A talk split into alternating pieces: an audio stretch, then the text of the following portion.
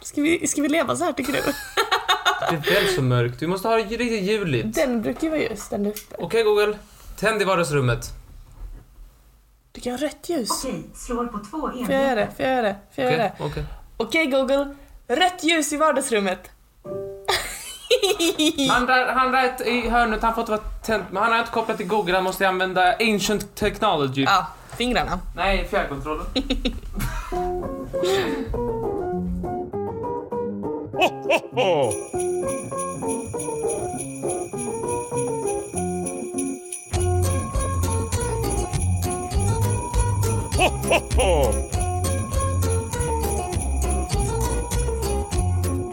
God jul i stugan! God jul Martin! Idag är God jul. det julafton. Julafton! Jul i stugorna och i bilarna. Och nu- det är många som reser på julafton. Är det det? Ja, det är många som åker till släkt och vänner då. Är det här att du bara talar från liksom en sån gissningsplats eller är det mer att ta statistik på detta? Jag tror det. Ja. Jag åker bil varje jul. Gör det? Du har fortfarande inte eh, A sagt mitt namn eller B frågat hur jag mår, men okej. Molly, hur mår du? Jag mår bra tack. Det känns galet att det här är vår sista julkalenderlucka.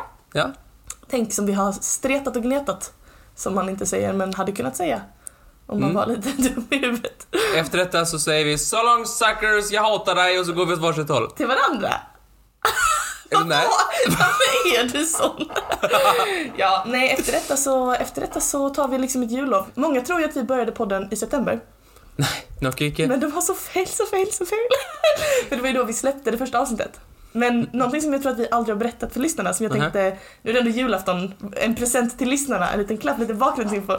Det är ju att vi har ju en massa pilotavsnitt inspelade. Som är så dåliga, så dåliga, så dåliga. Åh, det är sån dynga. Men du tycker ju sämst om dem. Kvaliteten. Kvaliteten och klippningen och ljuden och allt möjligt ja. skit. Och den första avsnittet ska vi inte snacka om. Alltså Du- vår, vår absolut första inspelning, första gången vi ens testade att podda tillsammans. Det måste varit i juli eller något sånt. Ja.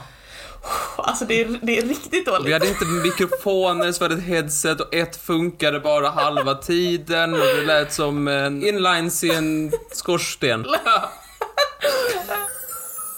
Hur mår du Martin?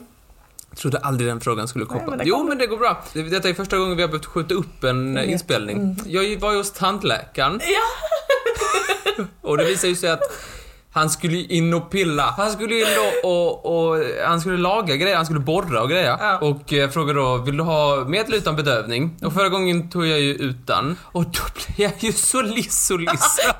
Åh jävla tandläkaren. ja så jobbigt. Men nu tog du alltså bedövning. Nu tar jag bedövning, vilket fick den dumma bieffekten att jag var ju, jag var ju halvt bedövad i halva Ja, ansiktet. och då är det inte optimalt att spela in podd. Nej, Nej. så då kunde jag inte prata.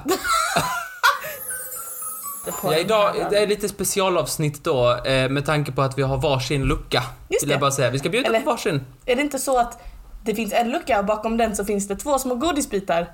Två små Kan vi godis. säga? Två små godis i Vi en ska lucka. bjuda varandra på varsin liten godde. Just så. Det är du och jag och Google Home. Okej Google, god jul! Hoppas din jul är lika god som en pepparkaka. Ta Ehm, dig så du spricker Google! nu tar jag och öppnar den 24 luckan i vår julkalender Martin. Här kör jag, är du redo? Okej, Är du redo? ja. Nu kommer jag. Yes. Okej. Ett smågodis! Ja, så är det. Du har berättat för mig om julmirakel och julmagi och julknotter och allt möjligt. Knotter ja. Mm. Eller vad heter det? Knotter, du menar oknytt? Ah, just det, de. och Varför Alltså, det knäpper? jag har eh, i hemlighet himlat lite med ögonen till, kring dina, din, dina magi och ditt sånt där. Jaså? Det Jag kunde har man kanske inte inte ana. märkt att Nej, jag varit pyttelite skeptisk mot dina Absolut inte. Men jag tänkte berätta för dig om så nära som det kan bli ett äkta julmirakel. Är det sant? I alla fall så vitt jag vet i världshistorien. Nej, vad kul! Har du hört talas om julfreden 1914? Ja, det har jag. Ja, hur mycket vet du om den? Jag vet inte jättemycket, men jag- jag vet eh, de ungefärliga grundläggande pelarna. Låt mig fylla igen luckorna. Okej. Eh, första världskriget var av, eh, som namnet förtäljer, ett väldigt stort krig som var mellan 1914 och 1918. Yes. Eh, mm, ni behöver inte känna till mycket mer om det, ni som inte vet. Utan detta var ett krig som man trodde skulle bli ett väldigt kort krig. Jaha. Kriget som skulle avsluta alla krig sa man. Just det. Man var liksom så här, det här, man var väldigt eh, optimistisk till liksom den moderna tekniken och liksom att det här kriget, det skulle vara väl liksom över på en handvändning i princip. Tusentals människor som bara anmälde sig direkt och bara jag ska vara med i det här kriget. Sista kriget någonsin, haha. Det kommer bli en liten resa där och sen så får man åka hem. Sådana optimister. Ja, de var, det var i tidens anda att man, eh, att man tänkte så. Men eh, de hade ju extremt, extremt fel. Det här skulle ju då bli ett av de blodigaste krigen i världshistorien. Efter några månader så var det inte längre några som liksom eh, anmälde sig frivilligt utan eh, man fick tvångsinkalla folk eftersom hur många som helst hade dött. Vad som var unikt från detta kriget var att man eh, ganska snabbt grävde ner, sån här, eh, grävde ner sig i såna här skyttegravar. Mhm, Det var ja. inte ett krig som liksom där man flyttar fram och tillbaka eller utan man, man, man, eh, sk- fronten var i princip ganska stilla under väldigt lång tid. Eh, rörde sig inte så mycket. Och det berodde mycket på att man grävde ner sig i såna här skyttegravar och så var det ett litet område emellan som kallas för ingenmansland. Inte Ingemarsland. Nej, inte ingenmansland. Det var väldigt okänsligt.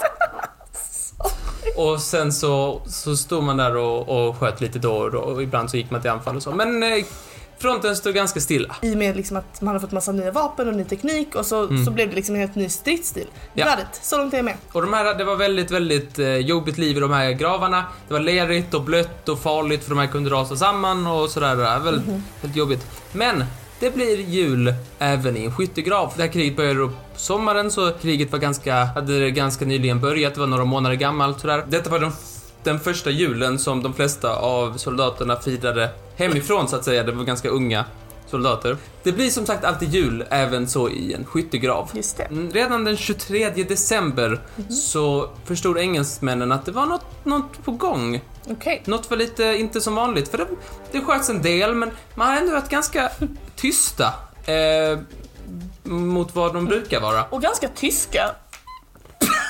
Ja. De var ganska tyska. Förlåt. Förlåt mig, förlåt mig. Okej. Och engelsmännen blev därför lite misstänksamma sådär. Oh, vad, vad ska de pyssla med? Vad är det de sysslar med? Vad håller de på? Håller de på liksom med någon plan? Mörkret la sig över eh, skyttegravarna. Men då så utkikarna ett ljus på andra sidan. Var det... Och man sa... Man började öppna eld. Man sköt mot ljusen.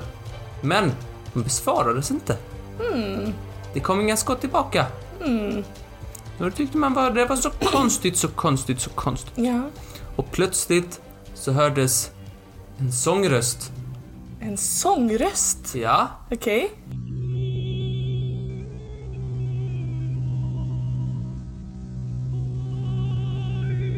Oh, vilken vacker musik! ja det var fint, så fint.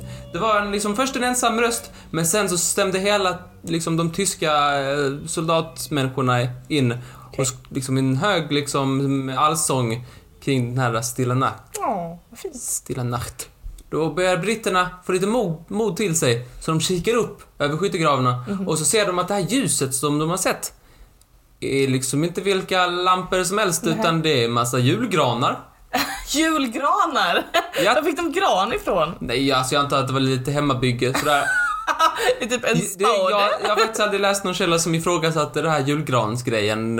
För att det känns konstigt att det är... Det, alltså, hmm, båda alternativen känns konstiga. Om det är julgranar, då tänker man var har de fått dem ifrån? När de har haft tid att gå och hugga ner en massa jävla granar? Mm, Men om det är hemgjorda, då undrar jag, då vill jag ifrågasätta epitetet gran i den här situationen om det bara är en spade med en stjärna på toppen. Kanske var en större gren de har suttit Ja, julgrenar. Kan det ha varit. Eh, Tyskarna sjunger då och sen så, så och sen blir det tyst. Engelsmännen de vet inte riktigt vad de ska, vad de ska göra va? Vad gör man efter att motståndarna har börjat sjunga? Så de börjar applådera lite och säger bravo, bravo. Men jag har en fråga. Ja, visst. professorn, professorn, jag har en fråga. Ja, vad är det din störiga... Störiga? Wow. Du kommer bli lärare om inte lång tid, då kan du inte hålla på sådär. Um, jo, hur långt ifrån varandra var skyttegravarna? Eh, vanligtvis typ 30 till 70 meter ungefär. Okej, då får man skrika ett högt bravo. Då får man eh, sjunga högt också. Ja, verkligen. Ja men typ eh, 50 plus minus 20 skulle jag gissa. Britterna vågade sig upp och såg de här eh, ljusen och man hörde musiken och ja, det var, man, eh, och man visste inte riktigt vad man skulle säga när, när de hade sjungit klart. Så man började eh, applådera. Man blev lite som en eh, publik. Man applåderade och så ropade man eh, bra grejer. Så här, eh, till exempel. Och de tyskarna svarade eh, med andra rop. Typ eh, “Merry Christmas Englishmen” och sådär. Ja. Ja, lite så här Det var trevlig gulligt. stämning. Ja, verkligen. Så helt plötsligt började engelsmännen sjunga och man började turas om och sjunga lite för varandra. Väldigt trevligt. Engelsmännen som ställde upp med God Save the Queen. Mm-hmm. Väldigt trevligt. Eh, tyskarna, de eh, föreslog att, eller de, de bad att få höra en låt som jag inte riktigt vet vad det är, men du kanske vet? It's a... l- Oh, nu kan jag inte läsa min egen handstil It's a här. long way to Tipperary. It's a long way to Tipperary. Ja, precis, det är den! Ja. De, tyskarna ville höra den. Ja. Och det fick de. Ja, men det kan jag tänka mig. Så eh, det var ganska trevlig julstämning där man sjöng för varandra och man sa eh, snälla saker till varandra. Men sen helt plötsligt så, som, så be- ropade tyskarna någonting som flera av mina källor säger var väldigt viktigt. Och det kan jag förstå. För de sa We not shoot, you not shoot. Okej. Mhm, mhm. Och där får man ju vara slug va, som britt. Då får man lyssna noga om det finns nå- någonting i den rösten som kan vara lite lurigt. We not shoot, no, You no, not- you not shoot, no. Das ist nicht... Det, jag vill bara påtala igen vilka otroligt starka stämband de här killarna måste haft om de skriker 70 meter bort. Men de är, Not shoot, you not shoot! Vad sa Fem- ni? För den här äh, lilla liksom äh, fredsproposal-grejen visade sig vara stark nog att fortsätta även följande dagen. På julafton, så att säga. Okej. För 24 december så skulle det utbryta lite så här äh, lokala freder. Eh, Och det var inte på ett ställe utan det var lite så här överallt över skyttegravarna, liksom oberoende från varandra, att de liksom skapades.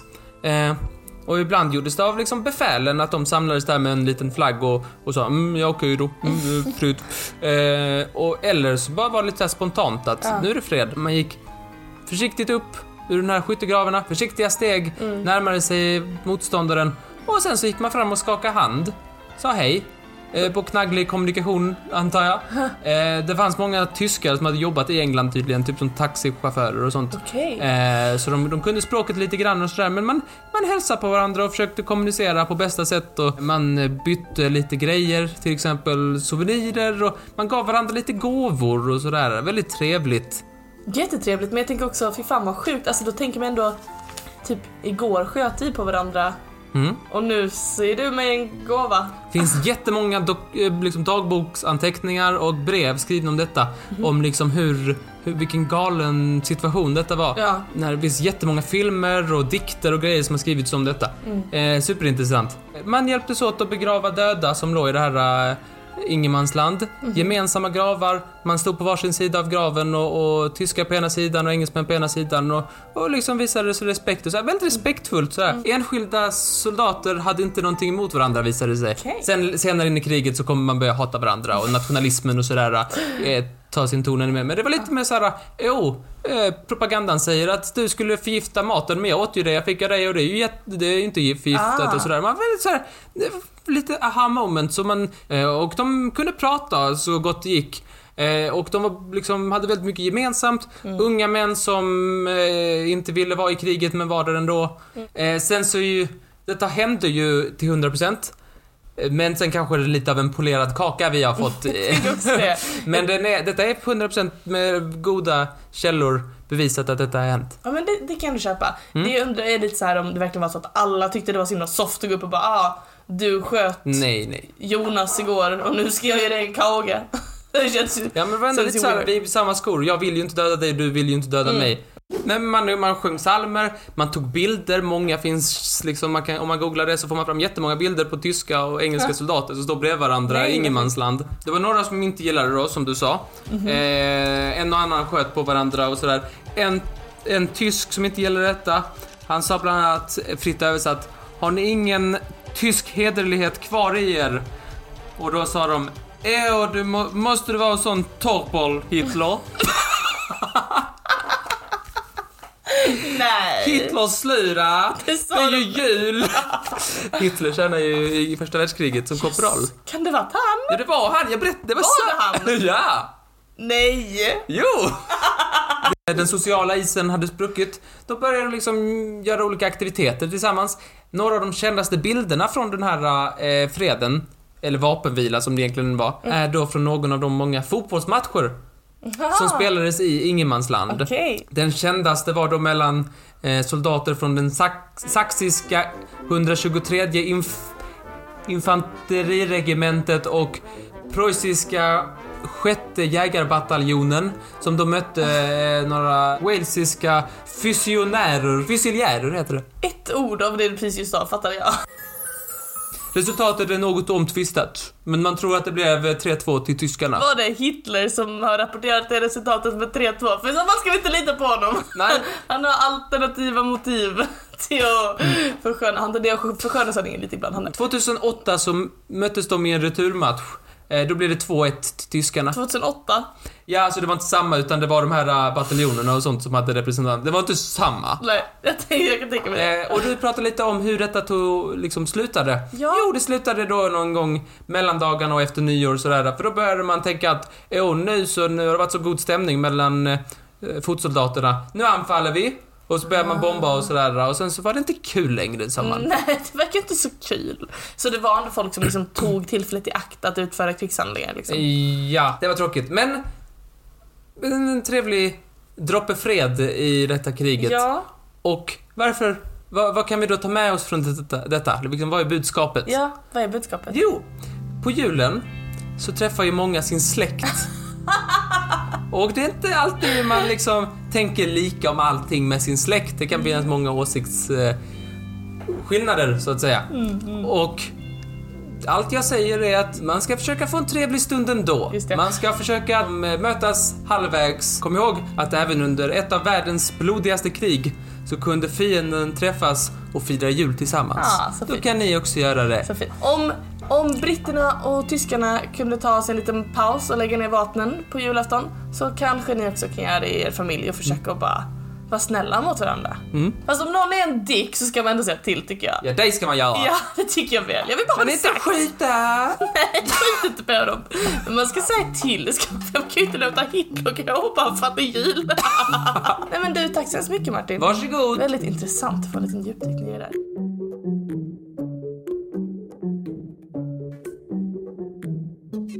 Ja, jag öppnar din den andra egen. delen här av luckan så Ja, att säga. varsågod, okej. Kvackakakaka. Ja, En liten groa. Hej Martin, det var jag där bakom. där var ju du. Vem hade kunnat ana? Inte jag. Och idag är det ju självaste julafton. Aftonen med jul. Korrekt. Vad ser du mest fram emot på julafton? Eh, Kalanka, alltid en klassiker. Öppna julklappar. Vad bra att du sa julbordet! Äh, så äckligt! Va? Gillar inte ni julbordet? Nej! Va? Okej, många gillar ju julbord i alla fall. Eh, Jag är själv en eh, 6 av 10. Jag tycker det kan vara ganska trevligt. Liksom, min pappa gör den sjukaste grönkålsstuvningen varje år. Sjukt god. Min farmor gör amazing Weird curry. flex, but okay. Okej, Min pappas grönkål, fantastisk. Min farmors currysill, fantastisk. Och sen så, du vet det brukar ändå finnas lite så här nice grejer som man kan göra och det finns mycket vegetariskt som är gott nu för tiden. Men! Grejen med julmat och med julbordet och så, det är ju att det finns så himla många av din och min favorit, nämligen knasiga namn. Knasiga namn, jaså? Har du Så. något exempel? Jo, äh, men jag har faktiskt tre exempel. Jag tänkte nämligen att vi, vi skulle avsluta julkalendern med en liten klassisk topp tre-lista. Ah. Och jag tänker att i den allra första luckan på julkalendern så gav jag dig en topp tre-lista på de tre bästa julmiraklerna. Och nu i den allra sista luckan så ger jag dig en till topp tre-lista. Cirkeln är sluten. Men den här gången är det på de konstigaste namnen på julbordet och varför de heter så. vi börjar på tredje plats. På tredje plats, prinskorv! Ja, det är ett konstigt namn. ja, varför tror du det heter så? Jag tänker här, eh, korv. Hmm. Vem gör korv? Jo, tyskar. Kan jag några tyska prinsar? Nej, nej, nej, men jag börjar i något annat spår. Kan det vara någonting att korven är i någon mån reglerad av kronan? Köttmängden är typ så här eh, garanterad en viss mängd av någonting och sådär det- och då är den... Det är riktigt smart. Det är helt åt helvete fel, men det är väldigt smart. Tack snälla! Eh, det, det stämmer inte alls, men jag tycker det var en väldigt logisk förklaring. Vill du veta det rätta svaret? Ja, tack. Prinskorv, det är ett ganska nytt namn. Första gången som det nämns någonstans, det är år 1879. I en kokbok som hette Kokkonsten som vetenskap och konst. Mm. Och konst ja! Ja, Och det är det första jag tänker på när jag tänker prinskorv, vilken konst det är. det är ett modernt konstverk. Eh, Men innan eh, den här publiceringen så hade den här typen av korv som vi idag känner som prinskorv kallats för en siskonkorv. Siskonkorv. Visst låter det äckligt? Ja. Ja, har du... Det låter mer som en sjukdom. Eller hur? Jag dog av siskonkorven. Siskonkorv, det betyder typ liten korv, vilket är rimligt. Och det ska, ko- ska ha kommit från lågtyskan. Vad är det för jävla språk? Jag visste inte att det var ett språk. Är det en slags lägre klass i Tyskland? Jag vet inte. Det, ordet som det härstammar från eh, ska tydligen vara sausichen, Sausichen. eller sausiken kanske, och så blev det siskon. Ehm, men svenskar är ju som svenskar är. Ja. När det kommer ett lånord så är det ju så himla himla ofta som det kommer liksom ett lånord och sen så bara börjar folk misstolka det och hålla på. Så att istället för siskonkorv Mm. så började vi svenskar kalla det för syskonkorv. Varför då då? Alltså varför? Antagligen för att siskonkorv betyder ingenting, men syskonkorv betyder någonting och vi gillar ju att liksom säga saker som betyder något. Men! Också för att eh, de här siskonkorvarna då, de hänger ju på ett sånt här långt, du vet korvband, vad det nu heter. Så de hänger ihop och då... Säker på att det heter korvband. Du vet vad jag menar. De hänger ju, de hänger ju ofta ihop, korvar. I olika länkar liksom. Mm. Och eh, då, då tror man liksom att eh, svenskarna tänkte på dem som syskon. Alltså att, ja jag tar Ah. fyra syskon av den här korven, då tar man fyra små pr- eh, liksom, En minikorvar då. hint av logik. Det, det finns liksom, men det är ju väldigt ihop, ihopplåstrat. Ehm, men fortfarande märkligt att det idag kallas för prinskorv. Eh, det finns en teori eh, på varför det kan vara så här. eh, som jag bland, har hittat lite, lite varstans på internet, men bland annat på en hemsida som jag varmt rekommenderar. Nämligen språkkonsulenterna.se. Oh. Som jag rekommenderar dem. De var väldigt roliga faktiskt. Men de eh, och många andra pitchade då idén att ehm, nu testar vi dina historiekunskaper igen Martin. oh, så jobbigt. Mhm. 1879 som prinskorv först dök upp i en kokbok. Precis innan detta så var det ju vilken kung som regerade i Sverige? 1859 till 1879. Jo, det är då de slutar ha makt, det är då jag slutar bry mig. Okej. Eh, Oscar den andra. Ja! Oscar den andre och hans drottning Sofia. De fick i alla fall fyra söner åren innan det här namnet dök upp. Prinserna Gustav, Oscar, Karl och Eugen. Eugen! Den ska bort! Enligt de här teorierna så skulle man då börja kalla syskonkorvarna för prinskorvar efter de här fyra prinserna som var syskon. Ah. Så typ såhär, fyra syskonkorvar, åh det är som prinsarna, prinskorvar. Under den här tiden så var prinsarna ganska unga. Typ från eh, mitten av tonåren till eh, mitten av 20-årsåldern. Och Okej. antagligen spatserade runt i hela Sverige och visade upp sig och var väl unga och vackra och så här. Så var folk, åh de fyra prinsarna liksom. Och då är tanken att det här skulle ha lett till att man började kalla syskonkorvar för prinskorvar. Så vår dagens kung är släkt med prinskorvarna. Stammar från självaste prinskorvarna. Intressant va? Det är en Disney-film som väntas på Ja. att göra. De fyra prinskorvarna. Och Harry. Och Eugen! Eh, litet bonusfakt om prinskorvar innan vi går vidare till plats nummer två. Mhm. Prinskorvar. Förr i tiden, precis som du sa, så var det liksom ett, en garanti att det skulle innehålla minst 45% kött Mhm. eh, i prinskorvar. Men sedan år 2002 så är det skyddet borta. Så nu kan det vara vad fan som helst i en prinskorv. Så passa er när ni ska äta prinskorvar hörni. Vad som helst. Trampminer och glassplitter. Ja, arsenik. plats nummer två. Två. Lutfisk. Lutfisk. Kommer du ihåg varför det heter lutfisk? Har du? Man blekte den i luta. lekte den i luta. så dålig, så dålig, så dålig. Eh, Du säger att man skulle bleka den i luta. Nej, kanske inte de orden. Man skulle bleka den I... lutfisk. Nej. Jag vet inte, var, är någon syra? Ja, det är så rent Anton! Det är eh, rent åt helvete galet. Nej, men i någon lag. Låt mig rädda dig från den här kvicksanden du snabbt drunknar i. Det har inte, det har inte alls med syre att göra, det har tvärtom med lut att göra. Är det tvärtom? Lut är ett samlingsnamn på typ så här basiska lösningar i vatten. Ah, Men i alla fall, jo. titt lut- lut.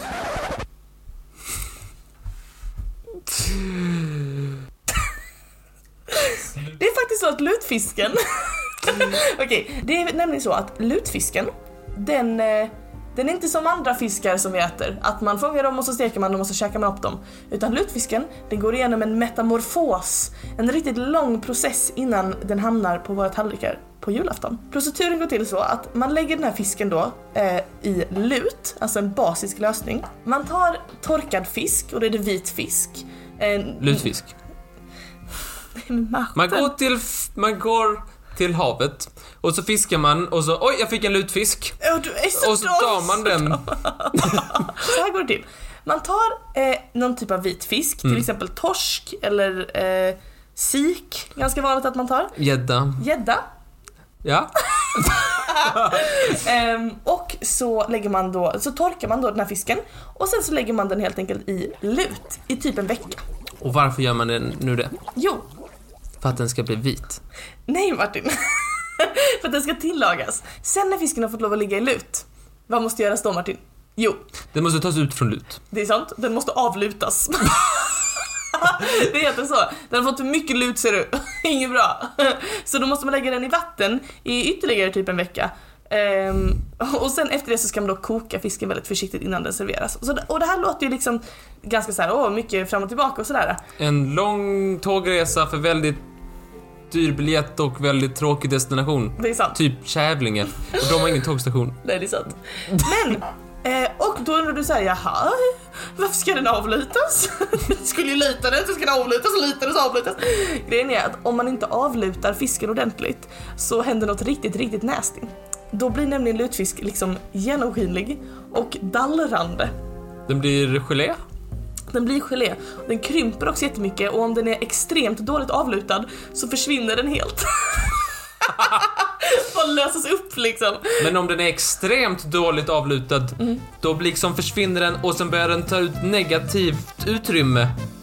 Som Hermiones eh, väska i de sista Harry Potter-böckerna, du vet hennes väska, att hon kan lägga hur mycket som helst i den. Och det är för att de har tagit en lutfisk som har blivit så dåligt avlutad att den har börjat ta ut negativ eh, volym. Så att istället för att den tar mindre och mindre så har den liksom expanderat och man får plats med väldigt mycket i någonting så smått. Absolut. Korrekt. Det är därför det heter lutfisk helt enkelt Martin, för att det tillagas i lut liksom. Mm, okej. Spännande va? Lite bowling- Absolut. Ja, jag fick det bara. Jag skrattar så gott, så gott. Lite bonusfakta om lutfisken. För det första vill jag bara säga detta att lutfisk är basisk. Så här, magsäcken eh, har ett surt pH-värde. Ja. Och när vi äter, eh, när vi till exempel dricker alkohol och äter fet mat så sänks pH-värdet ännu mer, alltså det blir ännu surare i magsäcken. Förstår du? Alltså fe- eh, fett och alkohol och kaffe och stark mat och allt sånt där det, det sänker pH-värdet och det eh, ökar risken för till exempel magsår eller gastrit.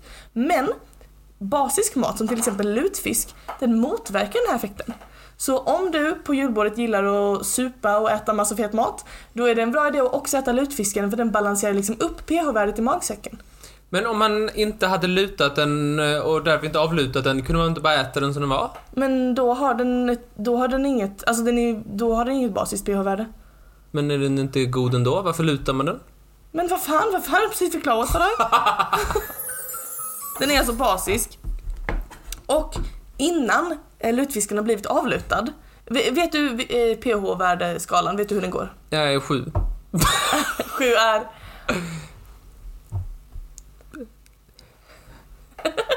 B- eh, umami? Nej, det är en skala som går från vad till vad och var är mittpunkten. Minus sju till plus sju. Ja, du är väl så dum! Okej. eh, PH-värdet är en skala som går från 0 till 14. Det är Ja, det var mittpunkten det jag är tänkte. sju. Sju. Det var det jag tänkte. Sju. Det är det jag är säkert. Ja, så 0 det är liksom det suraste sura och 14 det är det mest basiska basiska. Lutfisk, det har, när, det är, när det inte har blivit avlutat så har det ett pH-värde någonstans mellan 11 och 12.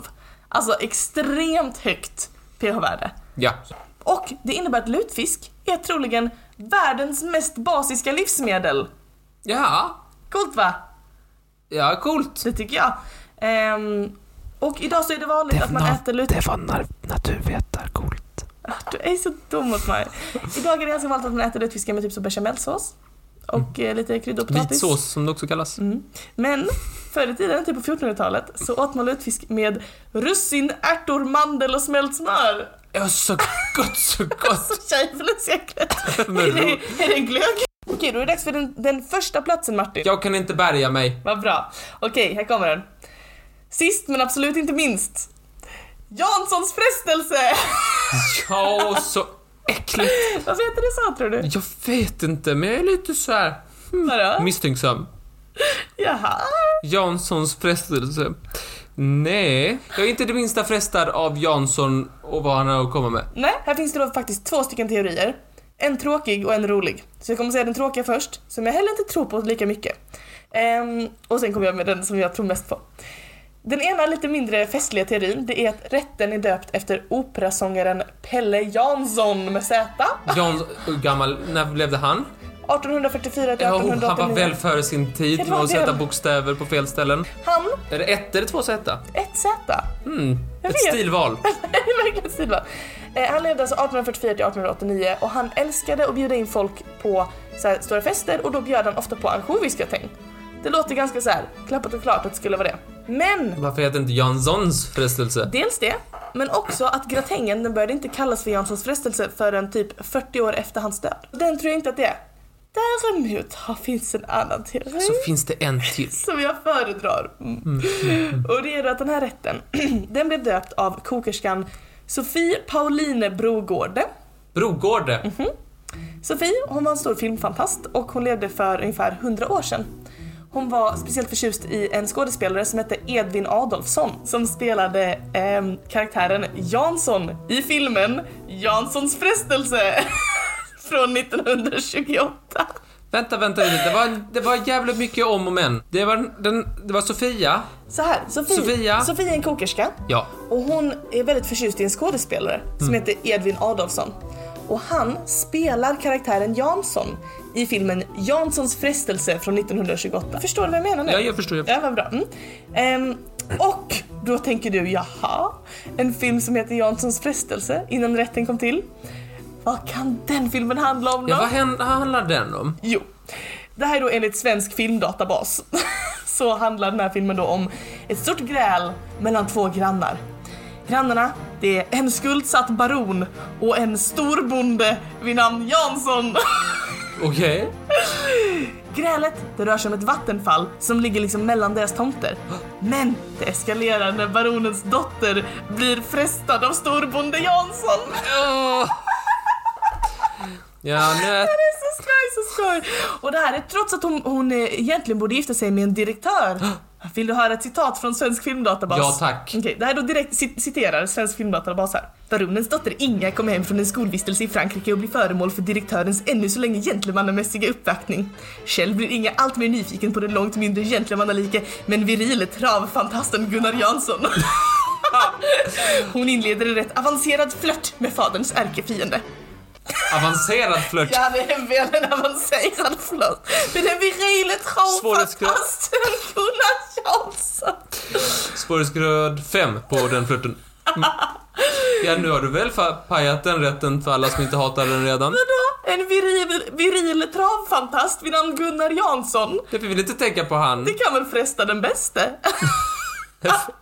Sofie, den här kokerskan då som gillade skådisen som spelade den virile travfantasten Gunnar Jansson. Hon var så förtjust i den här frestande, frestande Jansson. Hon, när den här eh, frun som hon jobbade för då, Elvira Stigmark, eh, bad henne att komma på ett namn till ansjovisgratängen som de skulle servera samma afton. Så tänkte Sofie, vi måste döpa den efter Jansson och hans frestelse. Och så blev det så. Så de serverade den här rätten och eh, sen har vi bara fortsatt att kalla den för det. I minne av den frestande Jansson som är storbonde. Så äckligt. Ja, det är det väl. Det var lite skoj. Det var min topplista det Martin. Gud vad trevlig. Eller hur? Eh, blev du, kände du att du har ny kunskap i kroppen? Jag har extremt mycket kunskap i kroppen. Eh, vissa känns som mm, jag gärna hade tagit emot, vissa kunde jag leva utan. Janssons frestelse. Ja, nej, nej, tack. Jag vill bara slänga... pH-värde går från 0 till 14. Okej, jag vill bara slänga in ett litet extra fakta som jag tycker är så skoj, så skoj. Honorable mention. Ja, och det har jag med Wikipedia.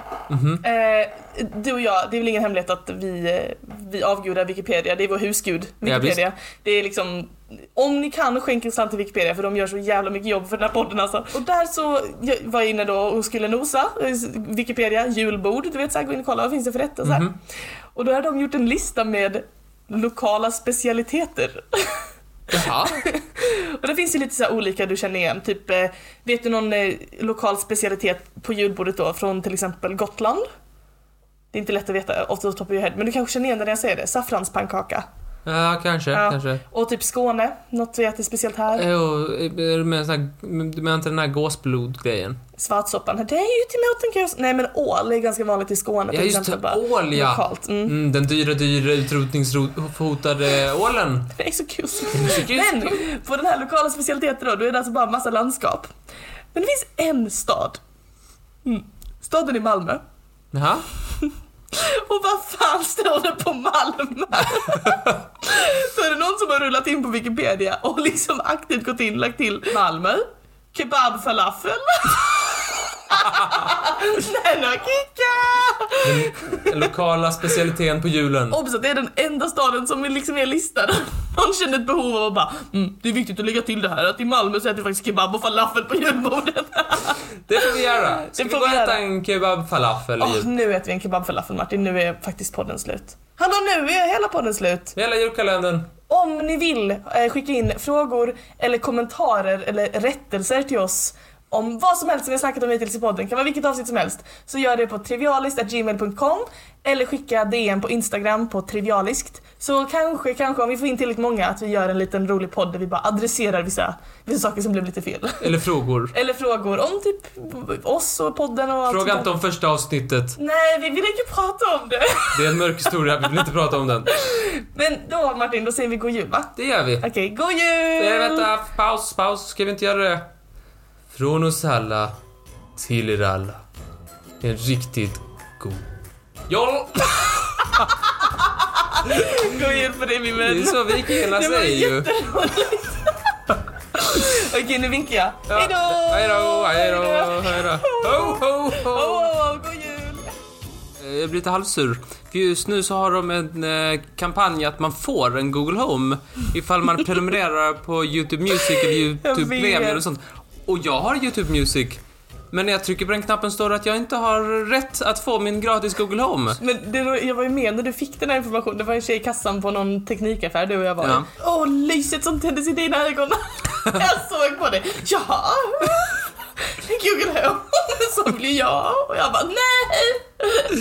Satan, ut ur han! Sa jag.